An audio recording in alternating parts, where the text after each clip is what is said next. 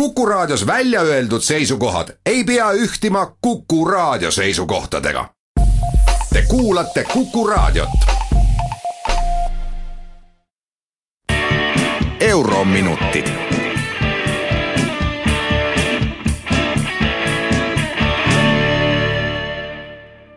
tere päevast, kallid Kuku Raadio kuulajad. eetris on Eurominutid ja Kersti Kaljulaid täna räägin ma Euroopa Liidu ühtsest välispoliitikast, sellest, kas teda on või teda pole.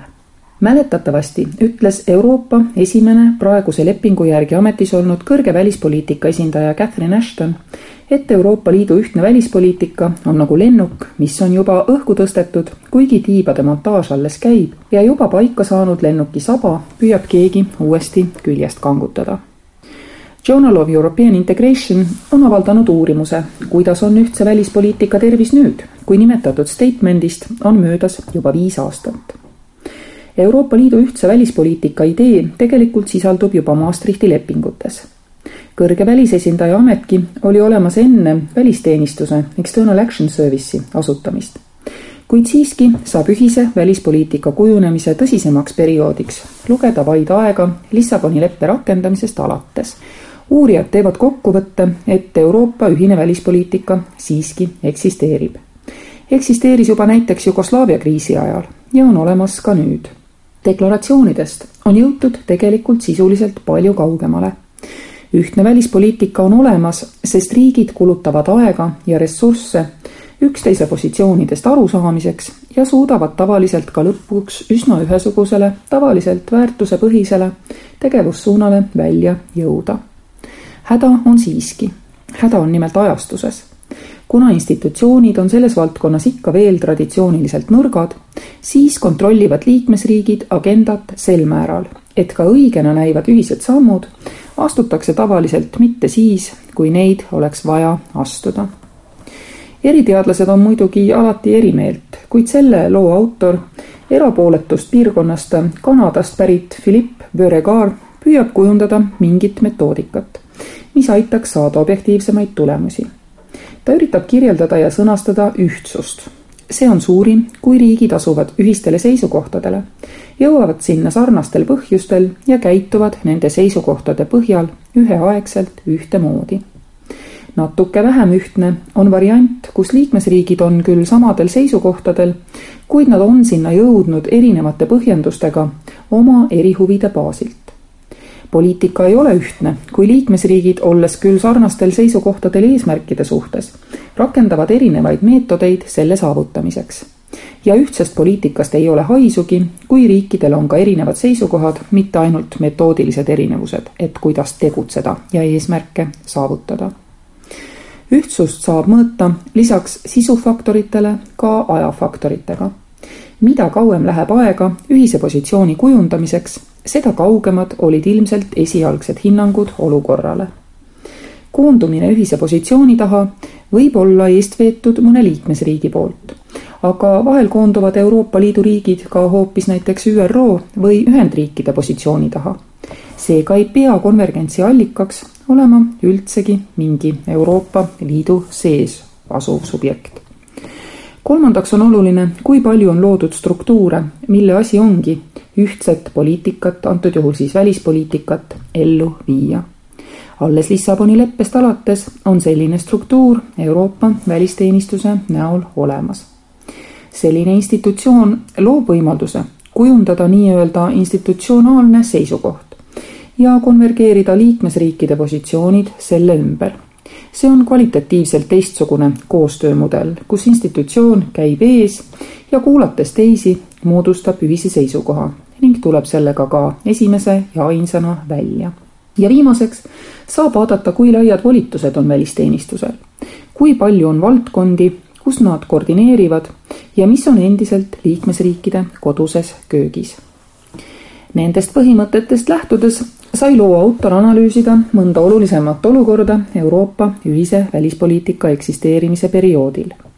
näiteks Gruusia sõja ajal tulid nii Prantsusmaa kui Ühendkuningriigid oma positsioonidega välja kohe, ootamata mingit liidu nõukogu seisukohtade formeerimist.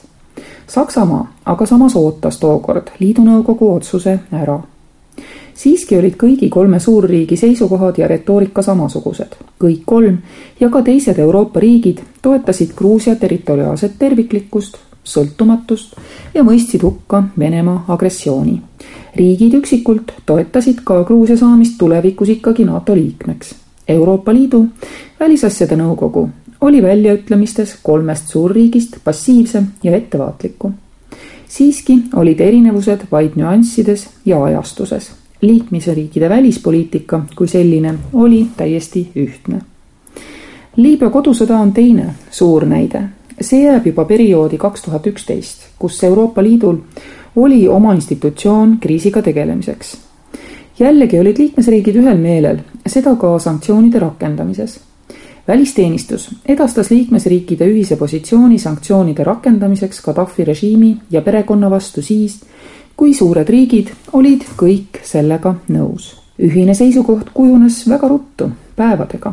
edasi aga hakkasid seisukohad lahknema Liibüa tuleviku ja taktikaliste käikude osas, näiteks kas tuleks sõjaliselt sekkuda või mitte.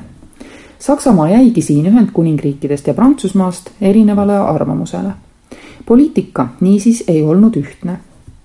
küll aga nii Gruusia kui Liibüa sõja puhul ei jäänud muljet, et Euroopa Liit on üks välispoliitiline jõud. seda sellepärast, et kuigi ühine positsioon oli olemas, siis liikmesriigid esitasid oma seisukohti ükshaaval ja siis, kui neile tundus, et on õige. mitte siis, kui välisteenistuses või liidu nõukogus oleks olnud vastav kokkulepe nagu autor ütleb, Ashton ei olnud kunagi esimene, kes rääkis, aga ta ei olnud ka mitte viimane. mitte kordagi ei võtnud EAS seega eestkõneleja rolli ega ühise positsiooni kujundaja rolli. välisteenistuse seisukoht ilmnes alles siis, kui vähemalt kaks suurt olid saanud kokkuleppele ja kui kolmas suur asuski teisele seisukohale, siis ei öelnud EAS ehk välisteenistus kui institutsioon oma positsiooni üldsegi välja mis ei räägi just selgelt välja kujunenud institutsionaliseeritud ühisest välispoliitikast. samas aga töötab välisteenistus sellise ühise arusaama kujundamise platvormina väga edukalt. selgelt kõikides olulistes välispoliitika küsimustes on Euroopa Liidu liikmesriigid võimelised jõudma sarnasele positsioonile kuigi artiklis ei vaadata Ukraina sõjajuhtumit, siis analüüsides toimunud sarnase mõttearendusena ja sama metoodikaga siis me näeme, et ka Ukraina konflikti puhul on ühine positsioon olemas, see kujunes kiiresti ja seda on suudetud hoida vaatamata sellele, et Ukraina konflikt on külmunud ja pole selge, mis võiks olla lähiaastate arengud ning kas neid üldse on.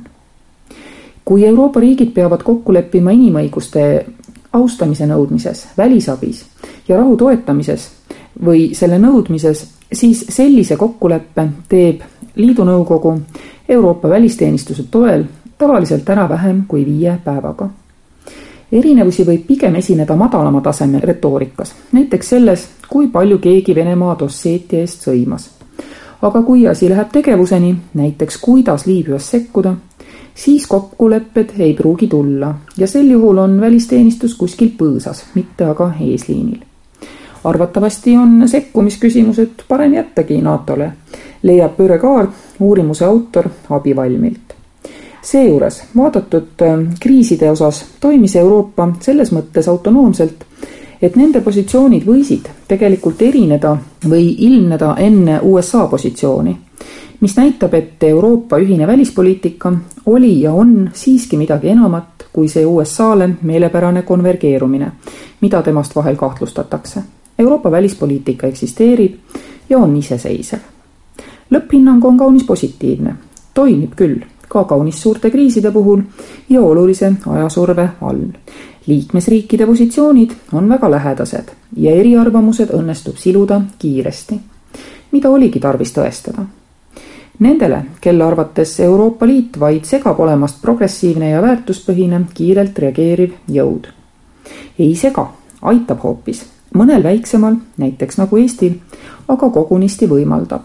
ilma ühtse Euroopa välispoliitikata ei huvitaks meie seisukoht Osseetia või Krimmi küsimuses vist eriti mitte kedagi. Kuulmiseni jälle järgmisel nädalal. eurominutid